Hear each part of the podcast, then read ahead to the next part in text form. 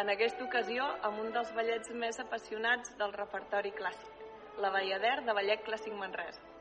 Serà una funció solidària molt especial, ja que a part de gaudir d'un espectacle molt bonic, tots junts col·laborarem en la millora de l'atenció de joves i infants.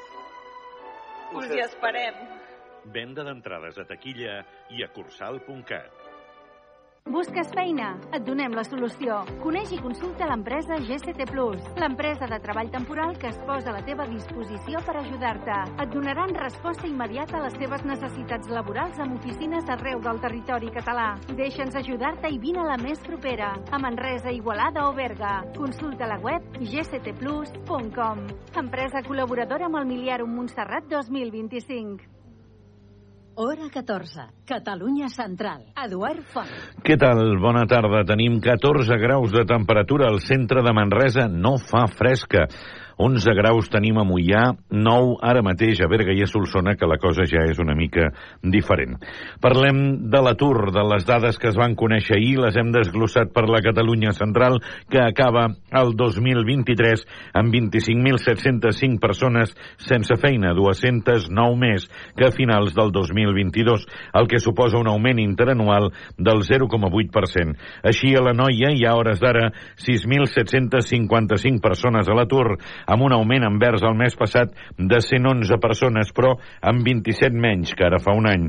A la comarca del Bages, la xifra de persones aturades és de 9.057. Respecte al mes passat, hi ha hagut una pujada de 147 persones i amb 61 més respecte a l'any passat per aquestes dades. Potser alguna cosa hi té a veure l'augment de Manresa. A on hores d'ara hi ha 4.591 persones sense feina, el que vol dir el 12,54% de la població activa, cosa que la situa com a la ciutat gran del país on ha crescut més l'atur aquest mes.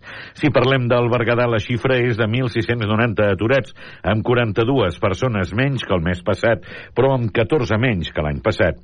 El Moianès, amb 573 persones aturades i un augment mensual de 23 persones i anual de 53, a Osona, amb 7.140 aturats, pujant en respecte al mes i a l'any passat, i finalment el Solsonès, amb 490 persones sense feina, amb dues persones més a les llistes que el mes passat i 38 més que l'any passat. Recordin que la xifra d'aturats a Catalunya va repuntar per tercer mes consecutiu al desembre, però que va baixar eh, pel que fa a la xifra interanual, cosa que no ha passat amb les comarques centrals.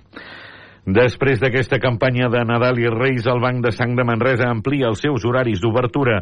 Fins ara estava obert els dilluns, els dimecres i els dijous de 9 del matí a 8 del vespre. A partir de la setmana que ve les portes també estaran obertes els dimarts a la tarda de 3 a 8 del vespre. L'entitat fa aquest pas amb l'objectiu de facilitar una mica més a la ciutadania de Manresa el fet de donar sang. Actualment les reserves de sang de Catalunya estan molt baixes, especialment pel que fa respecte a les reserves de plaquetes. De fet, aquestes darreres setmanes, coincidint amb l'últim mes de l'any, el Banc de Sang havia llançat una campanya emplaçant a tothom a complir el propòsit de salvar vides i fer la darrera donació de sang durant el darrer mes de l'any. De fet, durant les festes en les que encara ens trobem. Un propòsit que els homes, recordin, poden fer quatre vegades l'any i les dones tres vegades. Ens estem referint a donar sang.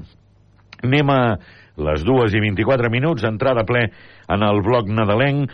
Com a tot arreu, ses majestats dels Reis de l'Orient arribaran demà a la tarda a Manresa, però ho faran amb una cavalcada completament renovada i també amb un nou recorregut. Demà ho repassarem perquè hi ha molts elements a tenir en compte, fins i tot la meteorologia, perquè la previsió meteorològica, ja ho han escoltat al llarg del dia a Ser Catalunya, amb en Jordi Carbó, ens diu que de cara a demà a la tarda vespre poden entrar precipitacions que afectaran especialment a la Catalunya central.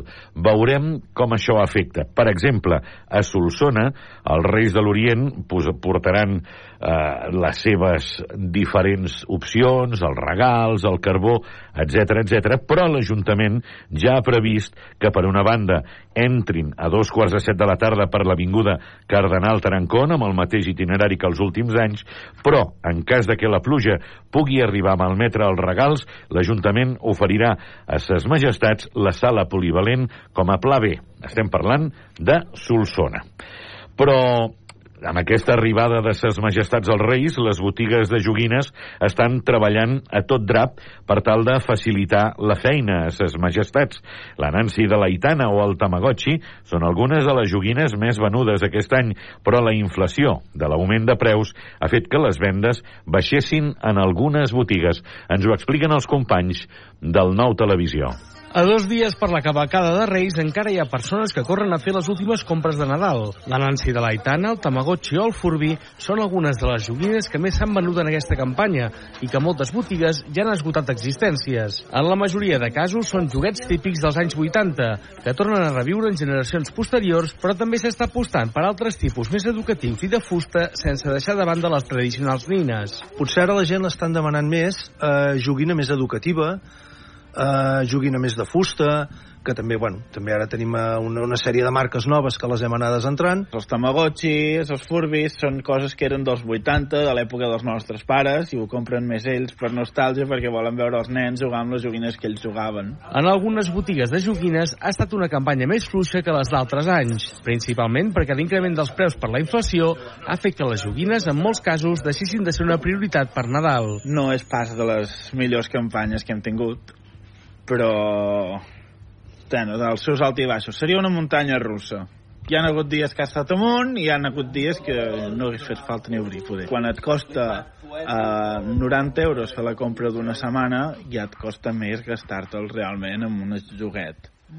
Vulguis o no, els joguets, per desgràcia, no són una necessitat pels que treballem aquí. Llavors, clar, has de decidir poder si omplir el carro de la compra o omplir el carro dels joguets. Els últims anys al principi comença, ja sempre hi ha gent que va molt d'hora, després hi ha un impàs, i després hi ha la gent que o per feina van a última hora a córrer cuita.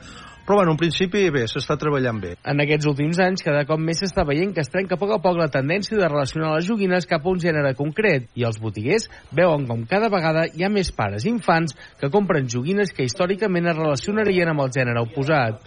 Durant aquest any, per exemple, he venut algunes Barbies ja nens que venen buscant Barbies, nens petits i aquestes coses, cosa que abans, quan jo era xic, era algo impensable. Ara ja s'està acceptant més que, que els nens comprin això, les nenes més pilotes de futbol, poder, i coses d'aquestes que abans no era tan així. Era en Josep Planes, de la botiga Joguines Manlleu. També hem escoltat la veu d'en Roc Soler, l'encarregat de la botiga de Somnis de Vic. I, això sí, perquè t'arribin els regals el que has d'haver fet és demanar-ho per carta als Reis. Encara queden alguns patges. Al cap de setmana, sobretot, n'hi van haver molts que van treballar de valent, Héctor Aranda. Divendres al vespre, al bosquet de l'Ametlla de Marola, tres patges dels Reis d'Orient van tornar a rebre nens i nenes del nucli i municipis propers com Navàs, Porreig i altres antigues colònies.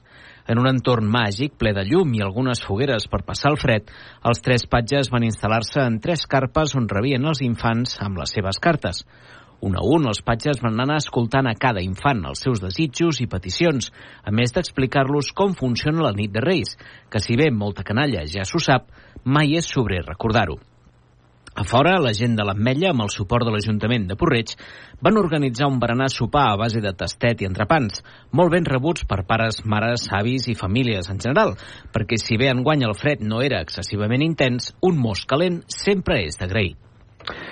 Gràcies. Ara anem per una altra de les activitats típiques del Nadal, però en aquest cas a Manresa, el meu primer Nadal al Cursal. Tània. El Jan i la Júlia han tornat a ser els protagonistes d'aquest Nadal al Teatre Cursal de Manresa, amb 15 funcions del meu primer Nadal al Cursal. La producció del servei educatiu que ha arribat a la dotzena edició i que ja s'ha convertit en un clàssic del període nadalenc a Manresa. Des de dimecres 27 de desembre i fins aquest dijous 4 de gener, els germans Jan i Júlia Júlia han compartit un dia de la seva vida amb molts infants, convidant-los a viure la màgia del Nadal en un espectacle molt participatiu on les cançons de Nadal són les protagonistes.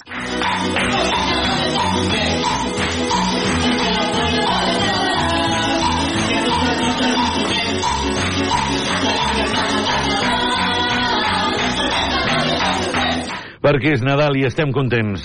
Bé, Nadal ja no, ara ja estem en el pas previ a l'avinguda de ses majestats dels Reis de l'Orient amb la il·lusió que això comporta.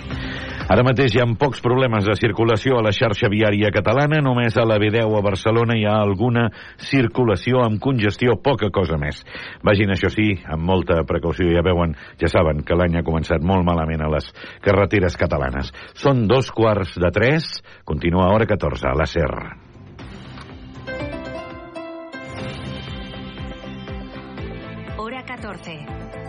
Láser. Javier Casal.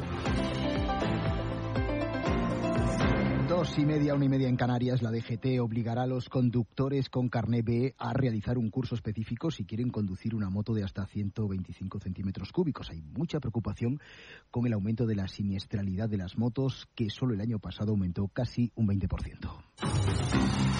Es más, el ministro Grande Marlasca, durante la presentación de los datos de 2023 esta mañana, con tres muertos menos que el año pasado, ha puesto el acento en esto, en la situación que se vive en nuestro país con las motos. Quienes entendemos la pasión por las dos ruedas no podemos comprender que pueda costarnos la vida.